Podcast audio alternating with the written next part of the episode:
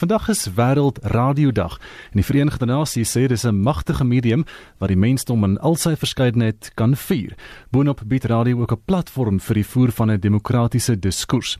Die VN sê radio is tot vandag toe steeds die enkele medium wat die meeste gebruik word en weens die unieke vermoë om so wydlopende gehoor te bereik, kan radio die samelewing help vorm. Die Verenigde Nasies fokus veral vanjaar op diversiteit in radio, van die verskillende soorte inhoud wat uitgesaai word op openbare, kommersiële en gemeenskapsradiostasies tot nuuskantore wat die luisteraars werklik weerspieël en die verskeidenheid van standpunte wat diverse gemeenskappe bedien. Maar is radio werklik so gesond soos wat die VN dit wil hê? Dis een van die vrae wat ons ver oggend gaan stel aan professor Frans Kreer, 'n oud kollega van ons. Hy is uh, deesdae die direkteur van die Radio Akademie by Wits Universiteit. Goeiemôre Frans. Ja, goeiemôre. Kom ons begin by daai vraag, is radio gesond? Ehm um, ek dink radio is taamlik gesond, ja. Ehm um, ek meen uh as 'n mens nou vergelyk met met ander media soos soos veral die druk, die pers uh wat baie lê onder die die die die ehm um, die beweging na digitale media toe. Dan is radio baie gesond. Uh radio ehm um, het nog altyd baie groot uh luisteraars getalle. Uh seker so om en by 90% van Suid-Afrikaners luister na die radio op een of ander tyd tydpunt in die week.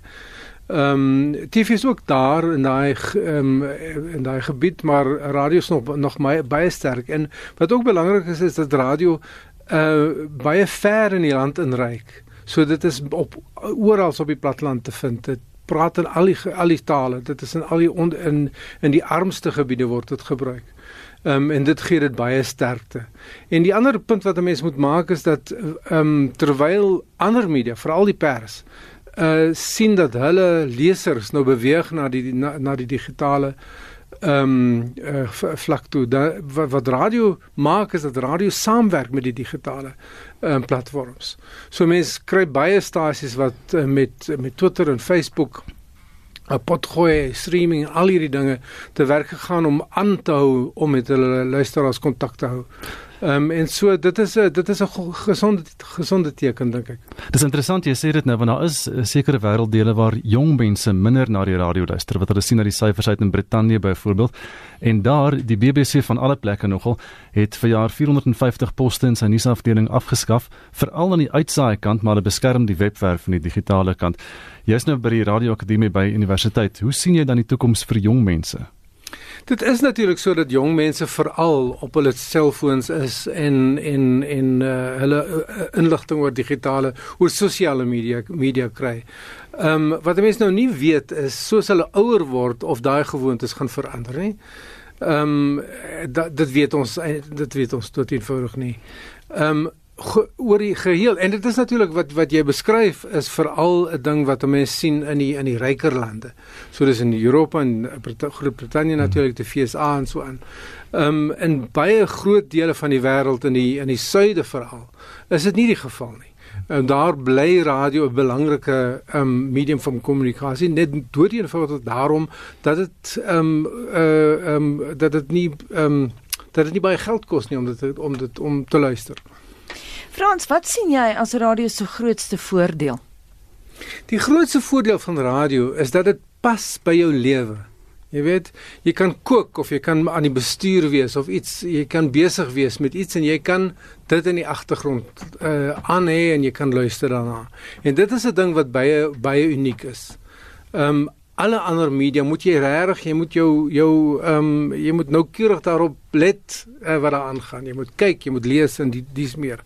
So dit is 'n voordeel maar ook 'n nadeel want natuurlik dit beteken dat mense baie ehm um, hulle hulle aandag ehm um, baie op 'n ander plek is en en hulle luister nie so baie noukeurig nie.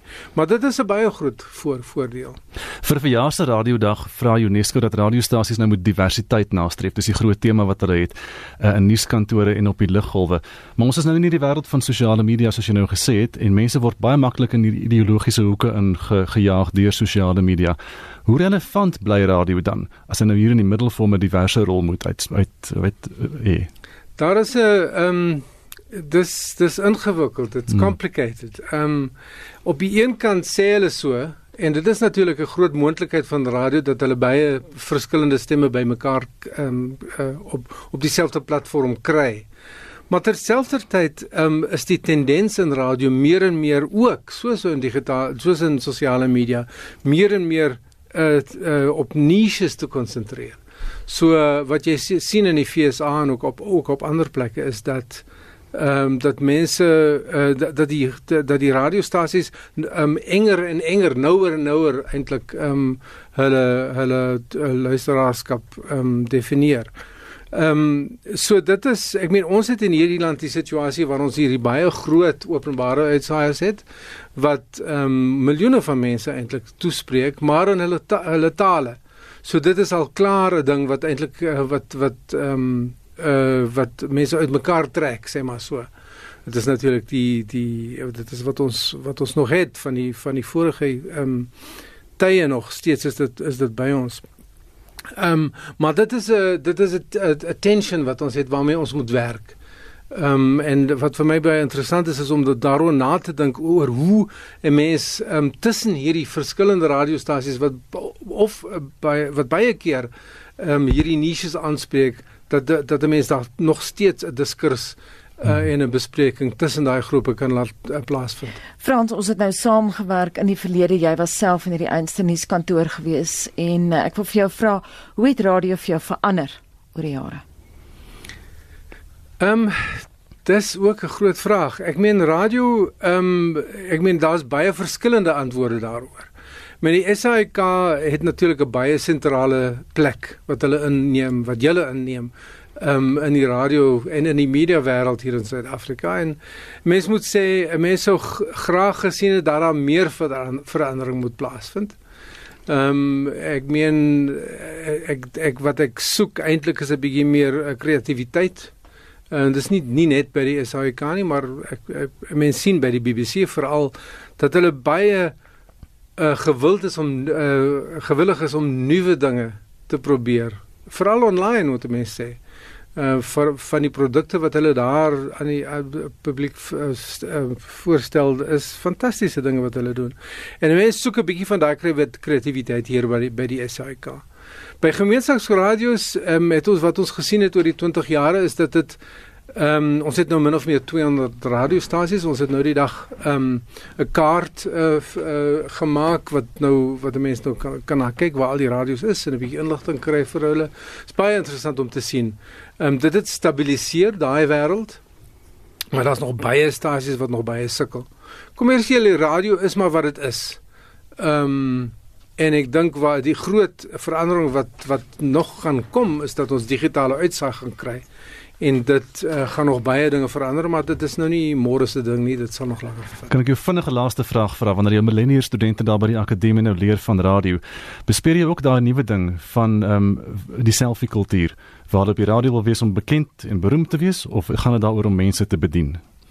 Ag dis eh, de al twee dinge kan 'n mens sien. Ek meen die jong mense is maar jong mense. Hulle doen jy weet hulle hulle leef deur daai stadium van hulle lewe. Is fyn, uh, maar daar is ook of dit is dikwels so dat hulle ook die gemeenskap wil dien.